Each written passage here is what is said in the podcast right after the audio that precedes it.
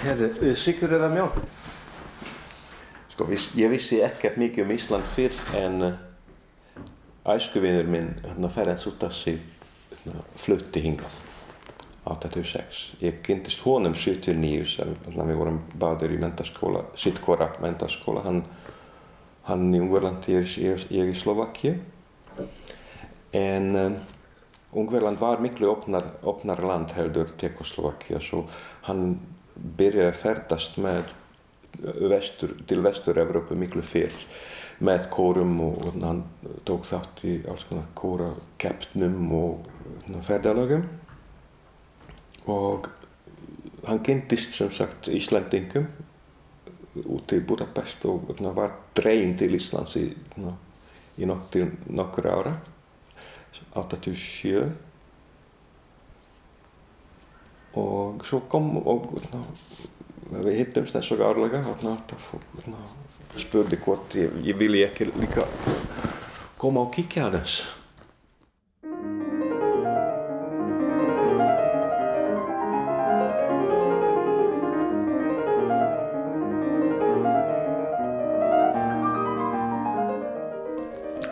Þetta voru tímar auðvitað þegar, þegar kommunismin feill og engin vissi hvað er einlega framtíðin.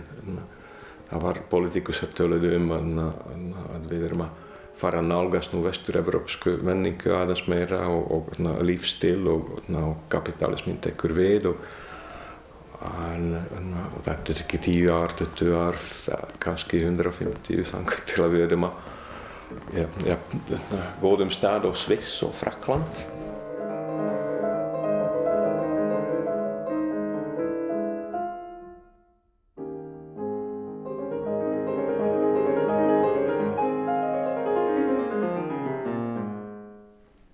Ég heiti Petter Matti og ég flutti til Íslands árið 1990 á samt konunni minni Lenku og árskömmlum barni. Ég er fættur í ungverskri fjölskyldu Tjekkoslovakju. Á 28 árum á Íslandi hef ég starfað sem klassískur pianoleikari flytjandi en einnig pianokennari, organisti, kórstjóri og tónmentakennari. Nú í dag starfa ég sem professor og fagstjóri Listaháskóla Íslands og pianokennari í mentaskóla í tónlist fyrir tónlistaskólan í Reykjavík.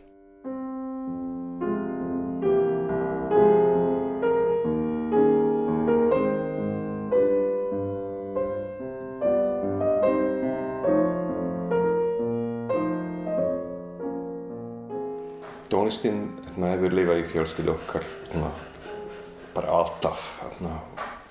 pappi minn er tónmentakennari og kórstjóri og hérna, ég þekki engan fjölskyldu, fjölskyldu minni sem kann ekkert að syngja hann, pappi spilar sem sagt á fylgu og, og uh, piano og harmoníku og allt nema blástuslöð fyrir hér til og hérna, hefur alltaf verið hérna, svona frumkvöld í, í hérna, tónlistarlifi heima. Og það sem ég man eftir það var hérna, stór svartur, stór svartur flýl hérna, í stofunni og það sem ég sett annarkort undir eða við. Undir þegar einhver annar spilaði og hérna, hlustaði og horfiði á, hljómbotnið að neðan eða, eða hérna, byrjaði bara hérna, að spila og ég man ekki hvernig bara eins og, og slá eina eina nótu og svo bara pappi syndi hérna ef þú slæst þessa þá verður hljómið þannig hérna, á þess að útskýra einhverju hljómfræði en eitt svo veit.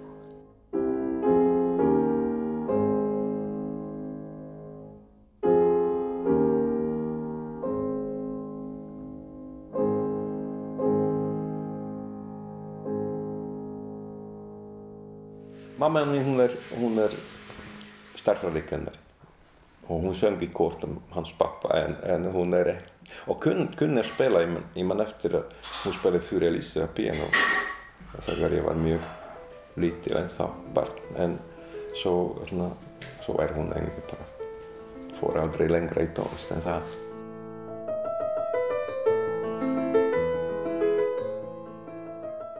Og ólst upp á þessu na, sveita uh, þjóðlaga, operettu eða já, svona menningu. Samkvæmt til að ég fór í alvöru pianónám kannski sex ára eða rétt rúmlega held ég. Og þá, þá kemur þetta klassikinn og auðvitað klassikinn sem er byggt upp á, á Vínarborgar klassikinn sem sagt Haydn, Mozart, Beethoven og, og þetta östur evrópska menning er alvöru bara kemur frá, frá klassikinni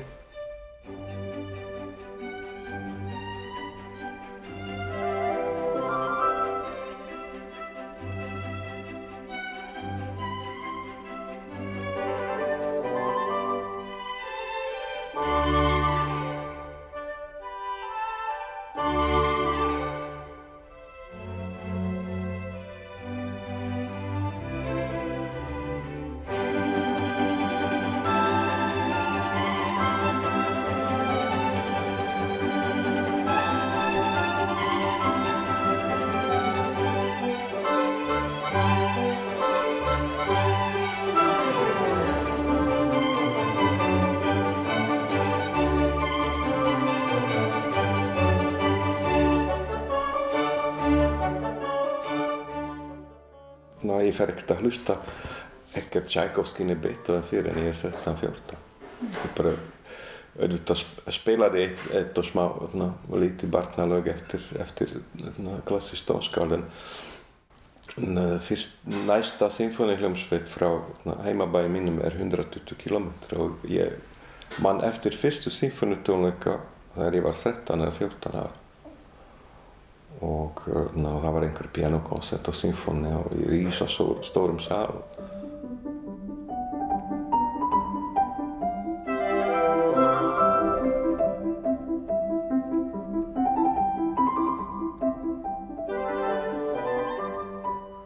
Það var ekki hlusta þannig sem klassískar blöttur heldur, það var bara útvarp í gangi og stundum, stundum hérna byrtist klassík eða sigóinatónlist eða óperettur og alls konar að frekar strangt uppeldi. Það þurfti að mæta alltaf fá, ná, ná, mér var skipað að æfa mig hálftíma á dag og klukkutíma. En uh, þrátt fyrir ná, fór ég alls konar keppnir, svona barnakeppnir og, og vann hellinga verðlaunum. Þá fannst mér einlega ekki, ekki ekki vera neitt að stefna á professional tónlist fyrir en kannski 13-14 ára. Það, byrja, það var orðin í einu, bara opnaðist nýr heimur og byrja að æfa meira og meira. Alveg upp á 5-6 tíma. Ég get sagt það núna, það eftir þrját, meira en 30 ára feril, kennaraferil, þá get ég sagt að ég gerði alltaf það sem mér var sagt og hérna alltaf, já nú alltaf ekki skrekva alveg en, en hérna, það var ekki mikið mótmæli í mér. Og uh, heldur ég setti ég held að ég var frekar stemmþröskaður til að til að til að segja við sjálfa mig hérna, hvað, hvað er best hvernig best að gera hluti. Já, myndi segja agaður, já. Vel, hérna gammaldags svona hefðbundin ægi, sem maður finnur hérna, varla lengur hérna, í nútíma samfélagi.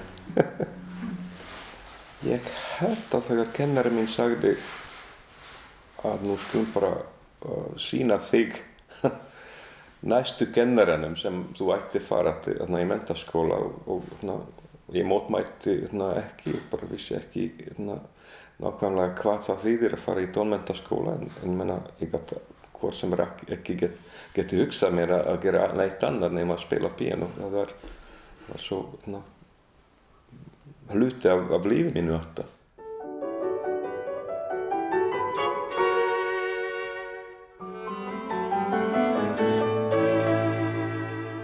Ef maður þarf að velja miklu Haydn, Mozart og Beethoven þá er ég Beethoven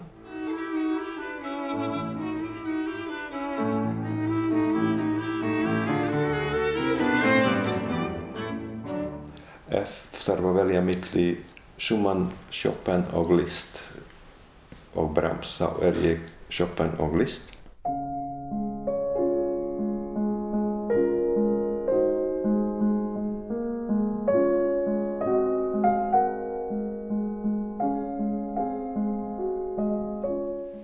Ef þurfti að velja milli Debussy og Ravel þá er ég frekar Debussy.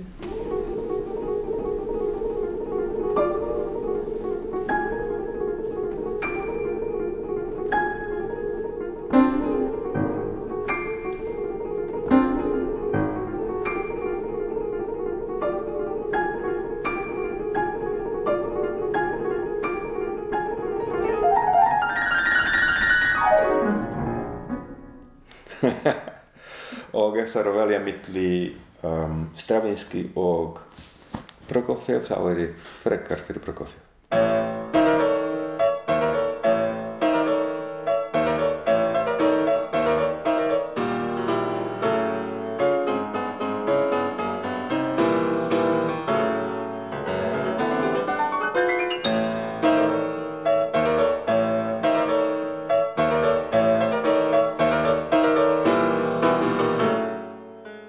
Eftir hérna, byltinguna flaujarsbyltingu fyrir austan og fatt múrsins og þegar opnar Östur-Európa og Sovjet fellur.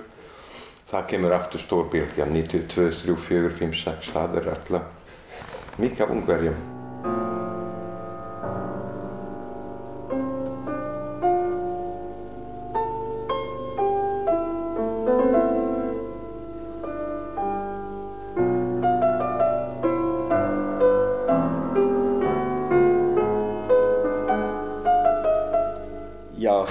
tímabil það sem na, mann langar að kynast einhver nýjum eins og ég segi, við hefum ekki ferðast áður uh, Hjartjartið Iron Curtain, Hjartjartið fell. Og na, mann langar að pröfa eitthvað nýtt na, ég var orðin kvæntur og, og með lítið barn. En til að flytja til Ísland það, það áttu vera ekki neitt vandamál við færa eins útskirti okkar hvern, hvernig gerist hlutirna og, og svo hittum við alveg svaka marg, margt gott fólk hér. Og það kom eftir eitt og halvt ár held ég þessi tilbútt frá Íslandi að koma hingað og annars tónlistakenslu og tónmentakenslu og vera organista kantora í fjórum kirkjum fyrir austan sem hendaði alveg bara mjög vel fyrir okkur. Þetta, mikið á góðu starfi og fríður til að ala upp barn. Já. Lenka er organisti og við hittumst í Prag fyrir mörgum árum nefnendur eða nefnari í listaháskóla þar og uh, við giftum okkur 88 og byrjum að kenna við sama konservator og ég var nefnandi í, í Košice. Nokkar líf fyrstu þarna, árin þarna, á Íslandi var ekkert annað nema að kynast Íslandi, kynast fólkinu þarna, með því að læra tungumál og lifa sem sagt fjölskyldulífi og, og, og gefa, gefa, vinna með við tónlist í kórum og tónlistaskólum. Við meintum á tvö ár og vildum að fara tilbaka að því samningin við mentarskóla úti sem við vorum bæði kennarar, konu mín, var að fatta úr gildi en, en, en svo ákvæðum bara að vera áfram.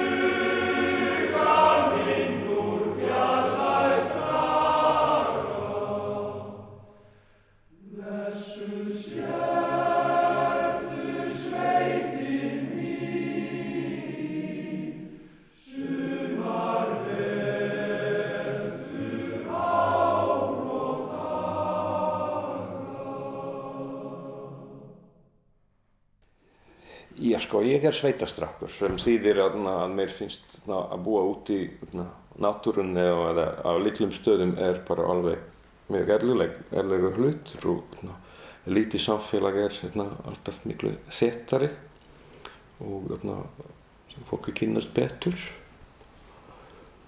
Nú veit ég að það hjálpar því auðvitað mjög mikið að vera meira og meira íslendingur að byrja fyrir austan og já, þetta var bara eindislega líf. Þetta er etna, þakka litlu samfélagi etna, við etna, vorum þekkt nýji skrítni östfyrski tónlistamenn svo að var átt 50, 60, 70 manns á öllum tónleikum. Sko auðvitað aðstæði voru þetta öðruvis, við erum að flytja hingað úr stórum borgum þar sem í stórum skólum voru tugi eða kannski bara hundra fliklum og fínum hljótfærum. Á stöðvarfjöli voru heima hjá mér var einn gammalt veggpiano eða bright eins og við göllum þetta núna og í samkómahúsinu og í skólanum nei, í skólanum var varlapiano, það var rafmaks hljómbord en í samkómahúsinu var annað svona frekar fínt piano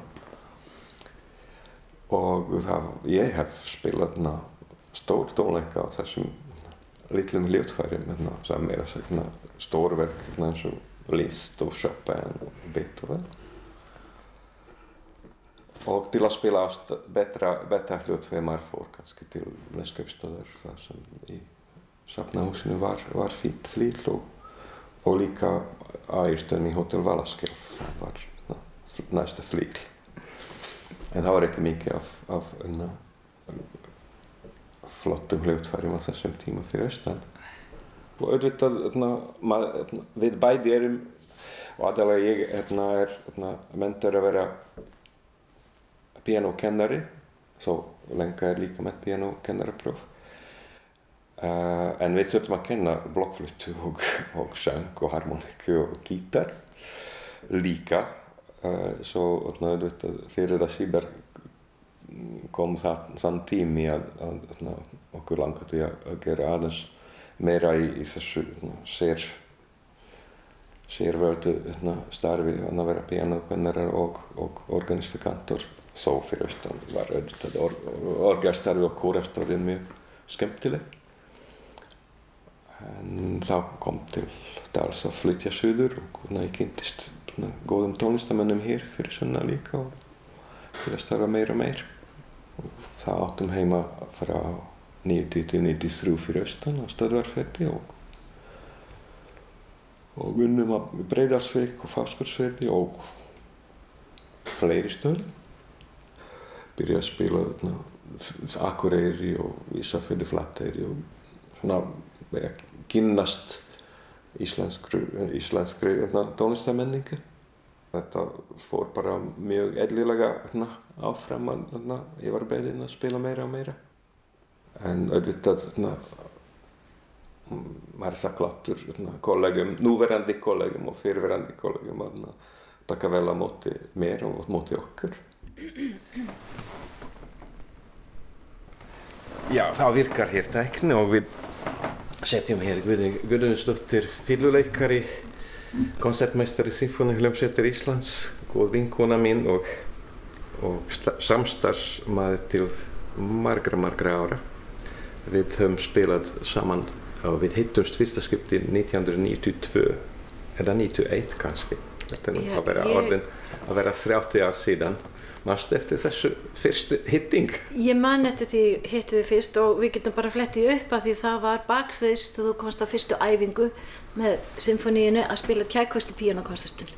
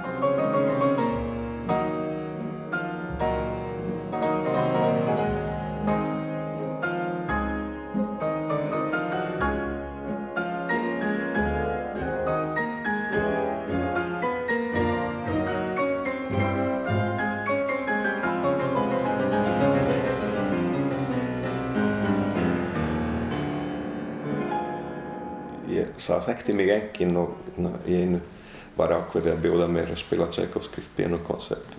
Ég, ég skil ekki ennþá hérna, hvernig, hvernig kom sig að þessu en, en þessi fyrsti, fyrsti, fyrsti tónleikarnir voru þetta eftir í minnum ég bara nýkominn til landsins og, og fekk þann heiður að vera með og, og svo hérna, mikið hrós eftir.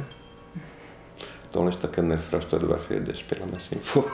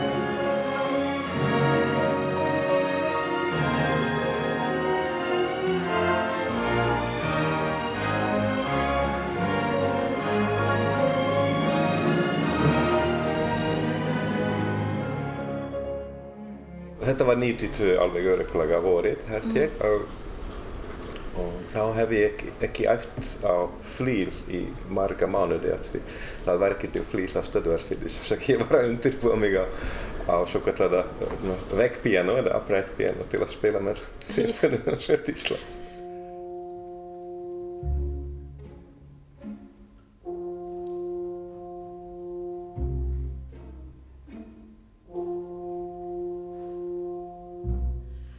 Og ég man þann bara mjög greinilega vegna þess að ég hafði þann alltaf að vana mínum að vera kurteis, konstmisteri og helsa sálustum sem voru að koma út á sveið.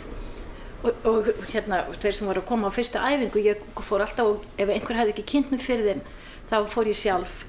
Og þarna stóðst þú baksist og varst að gera því tilbúin að fara út svið að spila með okkur í fyrsta skipti. Ég hafði aldrei séð þig áður, ég sá að þið sé nafnið þitt, svo ég geng, gengaði þér og heilsa þér og býði velkomin á ennsku.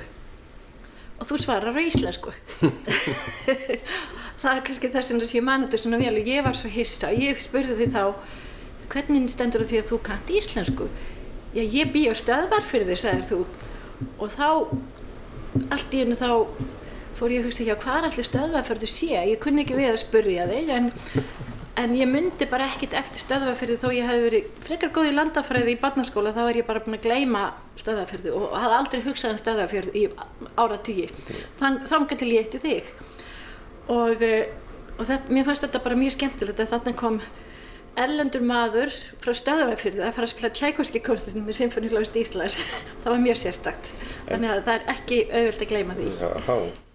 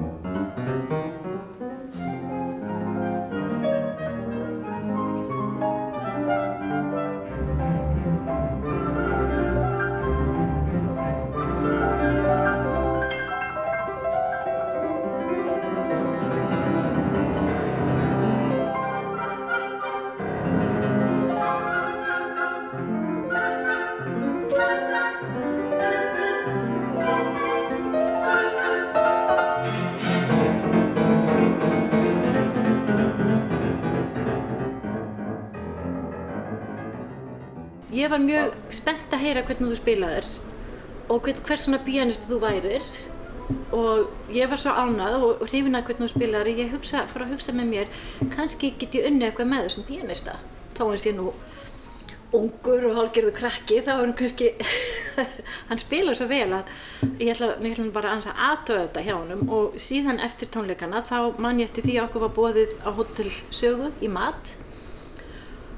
Og, og þá spurði ég þig hvort þú hefðir áhugaði ég vissi náttúrulega að þú áttur heima svona langt í burtu en þannig að þetta var hægt að komast á milli einhvern veginn, hvort þú hefðir áhugaði að við reyndum eitthvað smávegis samstarf og áður en þú svaraðir þá sagði konan þín já. já. Nú? þú mannst ekki eftir því. Nei, það svo. Þú, þú, svo, þú gæst ekki svaraði alveg strax, þú bara horfir á mig og brostir og hún, þá sagði lenga já og svo kom ekki svar frá þér næstu sekundur og þá sagði hún aftur. Já. Og þá segði ég þá er það bara ákveðið. Þannig að við lenga ákveðum það. Þannig að nú gæti aðeins komið þér óvart. Hún myndir ekkert til þess. Ég man bara til svipmun og hún segði bara já, já. Og síðan tókst okkur nú að hittast einhver tíman þarna setna og, og það gekk bara mjög vel. Ég man bara samt eftir að þú endur tókum einhverja búta sem við vorum að æfa og þá bentur við mér á að ég spilaði þetta ekki eins núna eins og ég hef gert það áður og svo enn öðruvísi þetta í þriðarskiptið og þá sagði ég já veistu það, ef ég einhvern tíma spila saman hluti nákvæmlega eins þá er eitthvað að mér. Mannst eftir þessu? Já, ég man eftir því að það gekk ekki, ekki mjög vel hjá mér á fyrstu æfing en það ég var alls ekki vanur að spila með öllum ég get að, að að ég byrja að spila meir og meir með gammal músík og svo auðvitað með Gunnar í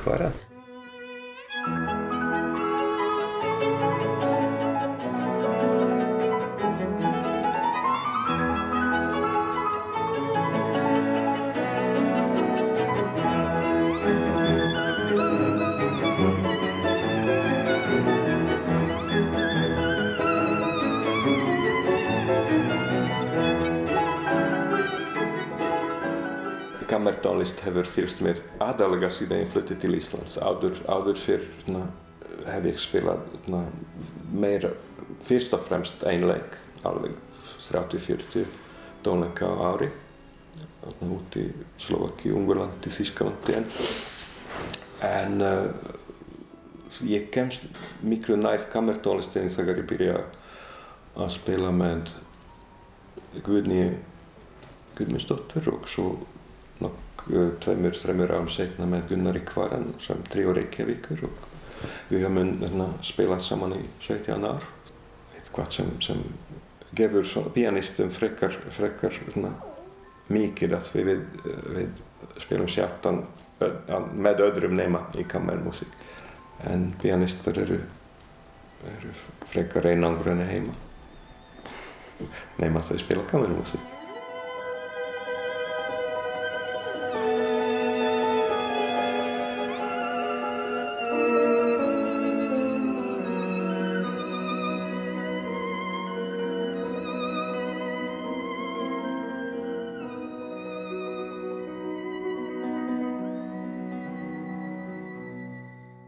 mér fannst þetta nú bara verða svo miklu betra svo fljótt. Ég gæti ekki fundið annað en það var orðið það var orðið nökra lust hjá okkur samspil.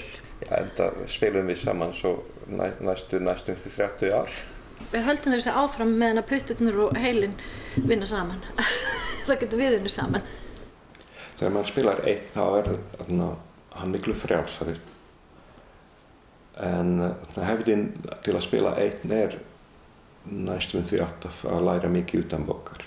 Og það tekur lengra tíma og jú, það er meira stressandi að spila einleika því að maður þarf að treysta ekki bara na, að spila réttanótur heldur að muna líka hvað það á að spila.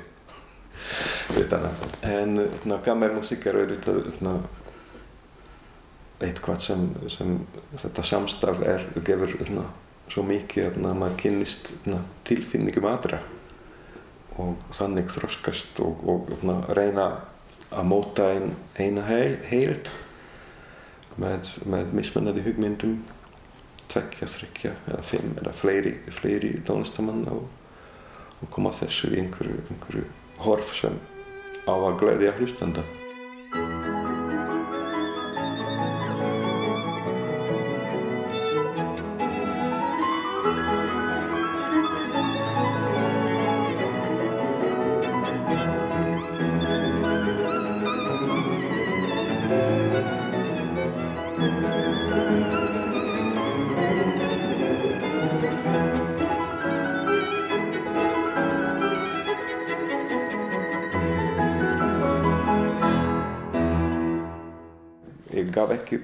Bátinn organistastarfið þegar við fluttum söður heldur. Var organisti sem sagt hér fyrir sunnan líka í hvað 13-14 ár og vann með kórum bæði sem kórstjóri og, og undirleikari. Það tók náfram tónlistaskólastarf út á Altanesi og í tónskóla þjóðkirkvinnar og ég var mjög heppinn að, að fekk starf strax frá fyrsta ári í, í tónum. Ég byrjaði að kenna 93 í tónlistaskólan í Reykjavík og hef það gert síðan í 25 ár. Mér hefur alltaf fundist kennslustarfið mjög skemmtilegt og gefandi og koma flottir nefnendur. Þetta er að virka, já. Ok. Svo hérna, hér setur Lilja Kardjó sem hefur lært hjá mér hérna, fjöldamörg ár. Já, þú byrjaði sem sagt 2007 held ég. Mm. Hvað var það, nýju ára? Nýju, tíu ára? Níu ára, já. Níu, já. Hvernig var ég hérna, með augum svona ung, ung spars? Mér fannst, mér, ég maður bara, mér fannst svo, mér fannst ég að vera orðin svo fullorðsleg að vera hér svona, af því þú varst bara með eldri nemyndur og ég var yngsti nemanda en þá. Já, lang, langast. Já. Ég held svona minnst okkur 5-6 ár, Já. 6 ár mitt. Já, og ég maður bara, mér fannst ég rosa heppin að fá að vera, vera hjá þér. Já. Mér finnst mjög gaman að kenna og þú veist það hver, hversu mikið finnst mér gaman að kenna að stundum er ég að forna mínu einn spilamennsku fyrir kennslu. Já, það er náttúrulega sem má kannski segja að það er ekkert sem gefur manni jafn mikið tilbaka en svo kennsla ef maður leggur allt í hana. Það, það þannig maður, maður verður líka að gera það, annars getur maður ekki búist við að fá tilbaka og maður heldur ekki búist við endilega að fá alltaf tilbaka en þegar maður fær mikið tilbaka af, af nefndum þá er bara eiginlega ekkert annað sem að gefur manni eins mikla gleði í tónlistinni finnst mér. Það er mjög gaman að æfa erfitt prógram og skila því og spila það. En þessi nefnendur sem maður hefur getað hjálpað, þeir eru til staðar þeir, og þeir halda áfram og, og halda áfram með okkar vinnu sem við höfum svo fengið líka frá okkar kennarum sem maður má ekki gleyma. Ef maður hefur verið heppin með góða kennara sem ég, ég tel mér sjálf að hafa verið alveg einstaklega heppna þá vil maður gefa þetta áfram. Já, þú hefur nú farið víða í hérna, Erlendi svo, svo tekið þátt í masterclassum hér, Mhm. spilað fyrir marga kennara Já, og búið í hérna, og farið til New York í, í pianotíma. Hvað viltu ráðleggja mér að gera öðruvísi eða betur? sko, ég, mér finnst ég ekki geta hafa neitt til þess að ráleika því að það sem mér finnst gott við því sem kennara og það sem mér finnst vera besti eiginleiki kennara á mínum mati er þegar kennari getur hlustað á það sem að nefandin er að reyna að gera í sinni túlkun og byggt ofan á það eða rálegt, þú veist, ekki að það sé ekki ein leið til þess að spila verk að það sé að hann geti hjálpað nefndan við því sem hann er að reyna að koma á framfæri. Og með þess þú gera það mjög vel og líka bara þess að ég heyri í maður þegar þú ert að kenna masterklassa, veist, mér er gaman að heyra. Veist, ég heyri að þú ert að hlusta á það sem að nefndin vill og er að reyna að gera. Og betrum bæta það oft þá hugmynd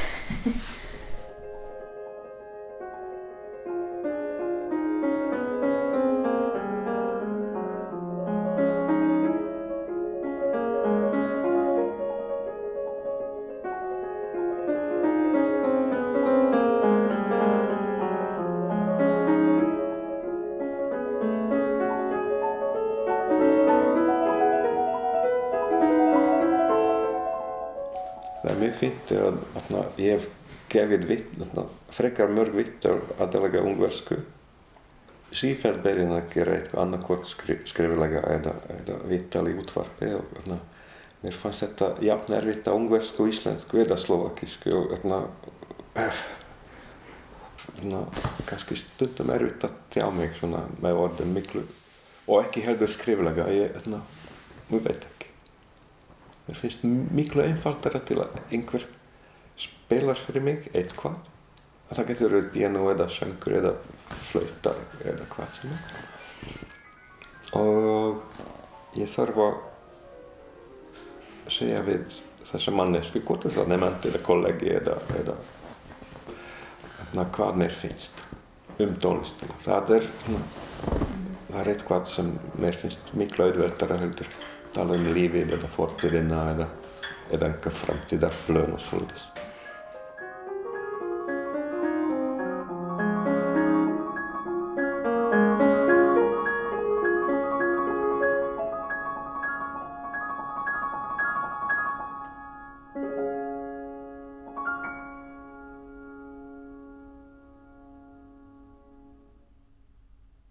ég var alveg hissa því ég hitti ykkur ungu hjónin þarna í kjálferðaði þessum æfingum okkar þá, þá ákvaðum við að fara í, í tónleikaferðum Östferðina og uh, margir staðirnir sem við fórum að spila á voru svona innan seilingar þannig að við bara kerðum á staðina og spiluðum. En svo þurftum við að fara að spila á eigilstöðum Já. og þá spilaðum við bæði þar og líka á Norðferði. Og þá þurftum við að gisti við nótt og þá fórum við á hótelið á Egilstöðum og uh, eins og ve- venja er þegar maður tekkar sér inn á hótel þá er maður beðin um heimilisfang og, og Íslendingar náttúrulega bara segja hvar þeir eiga heima en ef þeir eru erlendi gesti þeir þurfa þá vantilega að sína passan sinn eða segja hvaðan þeir eru og ég gleyma aldrei svipnum að þér Pétur minn þegar stúlkan í afgriðslunni spurði þig hvaðan ert þú? og þú bara styrnaður upp og sagðir ég veit það ekki. Og þá fór mér nú ekki að lítast á blíkun nú er hann bara eitthvað klikkaður. En þá auðvitað kom í ljós og auðvitað átti, átti maður að vita það allur heimur vissi það að það var búið að eh, skipta tjekkoslavaki í tvent þannig að eh, það var erfitt fyrir Pétur að svara þessu svona alveg á stundinni hvaðan hann væri sérstaklega það að konan hans var úr hinum endanum Já. Já, þetta var þarna, vorið 93 væntalega það sem Tekland og Slovakia urðu sjálfstæð já, og, og þarna, svo í svari ég er frá Tekoslovakíu, það land var ekki lengur til. Elvesztettem zsebkendőmet, szidóttam nyelmérte, egy kis leány megtalálta, csókót ígért érte. Szabad péntek, szabad szomba, szabad szapanyolni, szabad az én galambomnak egy pár csókot adni. Adtam is, adok is csókot a legénynek, mert tudom magamról jól esik szegénynek. Un til er šim kjær vitt at hatter na vidun frekar nalagt kodā að kós, kórasöngurinn og barna uppeldið frá Doremi og, og þarna, öllu, öllu þessum þjóðlaga þarna, heft, þarna, það er mjög sterkt og þarna, til dæmis ég man eftir það var í grunnskóla það byrjaði alltaf hvert einasti dagur með því að þegar kennari kom inn þá bekkurinn stóð upp og sung, söng eitt eða tvö lítið þjóðlag eða barna, já Hjá mér brennur ástin enn í æðsta verði, heima hvenna klaka barði, ég kem til hennar þurr í garði. Hún má skálan skrauti strjál og skar í ljósinn, stækk og mála megar básinn, margir rjála þar við lásinn. maður sí- þarna, íslensku þarna, ég, get ekki sagt að ég þekki mjög vel þarna, auðvitað, þarna, það sem er ofta sungið þarna, uh, en allt þetta rímnaleg og, og þarna, kvætin og, og þarna, þetta er nú frekar þarna, miklu meira uh, kannski bara í, myndi að segja, í þrengra tón, tónsvæði, tónsvið. Þannig að það er þarna, miklu meira texta þarna, fókus, já, bara sem sagt hvað uh, þetta er meira talandi heldur, heldur syngjandi. Brúður merkja braga klerkum býr í lundi, uns á sterkra stefja sandi, striplast verkin alltalandi. Svona var það. Já, já. Það sem ég þekki að heiman og þjóðlaun sem ég ólst upp, það er, það er annarkvort bentatonist sem er ekki til valla á Íslandi, eða þetta, gamla ungverska, eða, eða svona, þessi ný, nýji romantíski áhrif, þarna, það er dúr eða mál, kannski stundum kallar, en, en aðalega mjög söngrænt. Það er, það er ekki þulað mikið í, í þessum tugþúsundum ungverskum þjóðlögum sem, eða, eða slavneskum, þess vegna slovakískum, tjekneskum.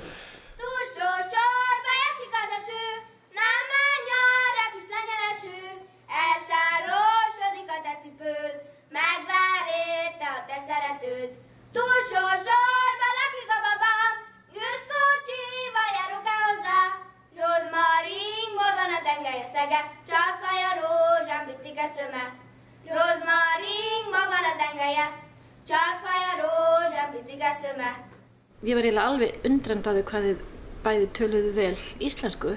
Töluðum við ekki annars íslensku saman á þessum tíma? Við erum alltaf tala íslensku. Svo við töluðum aldrei Í- ensku.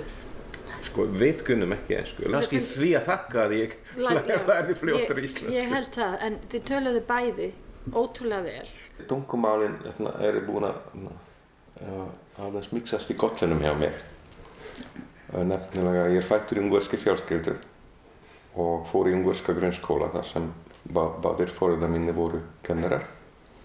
En svo hérna, læði ég það ríkistungumáli sem var slovakiska og fór í slovakiska mentaskóla sem er var tónlistar hérna, mentaskóli, konservatória og sem meira sagt með, með í austur Slovakíu þar sem er slovakiska talað með svaka miklum mállísku, mismunandi. Svo ég er að svona bygga upp slovakísku með þarna, sérstaka þarna, framburð og mállískum og svo þarna, fór ég til Prag þarna, í, í tekniskuna. Svo ég stoppaði, staldraði í öllum tungumálum pínulítið, þannig nokkuð ár. Svo flutti þarna, nýtt til Íslands og nefndi aldrei, einlega bara kunni ekki tala ensku en nefndi, nefndi ekki heldur að nota þýskuna sem var kannski nokkuð betri hjá mér og bara ég segi ekki læri, ég bara það kom íslenska inn í, inn í hérna, bara gottlina munni eða hver, hver sem maður, þetta fer. Svo ég man ekki hvernig ég lærði íslensku. Ég, þetta bara eins og lítið barn man ekki hérna, hvernig hann læri tungum og það bara byrja að tala. Og það hjálpar mikið hérna, til síðustu hvað 30 ára sem ég er búinn að dvelja hér. Ég les hérna, mjög oftast á tjeknesku kannski því hérna, það er tungumál sem við tölum heima og ef við keipum bækur þá þá, þá er annarkoð tjekneskar íslenskar þrátt fyrir að, að, að móðurmál mitt er ungverska. En bóka, bóka uh, hillan, hillurnar okkar eru þrýtingdar, það er skemmtilegt, ég er einmitt að lesa bókina, nýja bókina hans Jónasar Ingemundarsson og, og þarna í gæra fyrir dag var ég að lesa um eina spurningu til hvers ertu að því? Að flytja tónlist, að syngja eða sem sagt. Uh, auðvitað maður getur verið þegar er maður ungur þá vil að sína sjálfan sig, sjálfan sig hvers er góður og, og hugsa stundum kannski meira um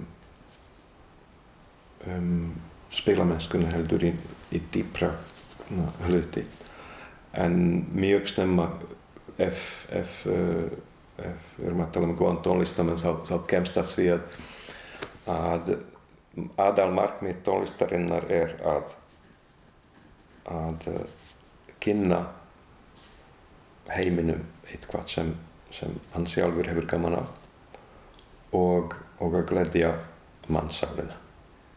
Það na, er ekkert annað sem, sem na, er, getur verið hæra sett sem sagt na, og þá erum við að tala um tilfinninga að, að það er til falleg tónlist, það er til ljót tónlist, viljandi ljót svona, tónlist sem, sem á að hafa áhrif á tilfinninga hlustanda. Og ekki bara hlustanda, tónlistamanns líka auðvitað en, performer eða flytjandinn er ekkert að læra tónlistina bara fyrir sjálfa sig, heldur fyrir að flytja þetta fyrir, fyrir aðra. Og þess vegna þegar ég er, ég er að æfa mig heima ég er samt að hugsa um hvernig áhrif það sem ég er að læra núna hvernig vil ég að, þessi, þessi list þessi, þessi tónar muni hafa áhrif á hlustandan